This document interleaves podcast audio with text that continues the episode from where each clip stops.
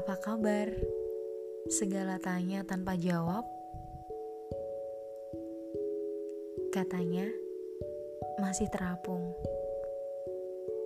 Nyaris tenggelam, tapi melatih nyali untuk lapang dada.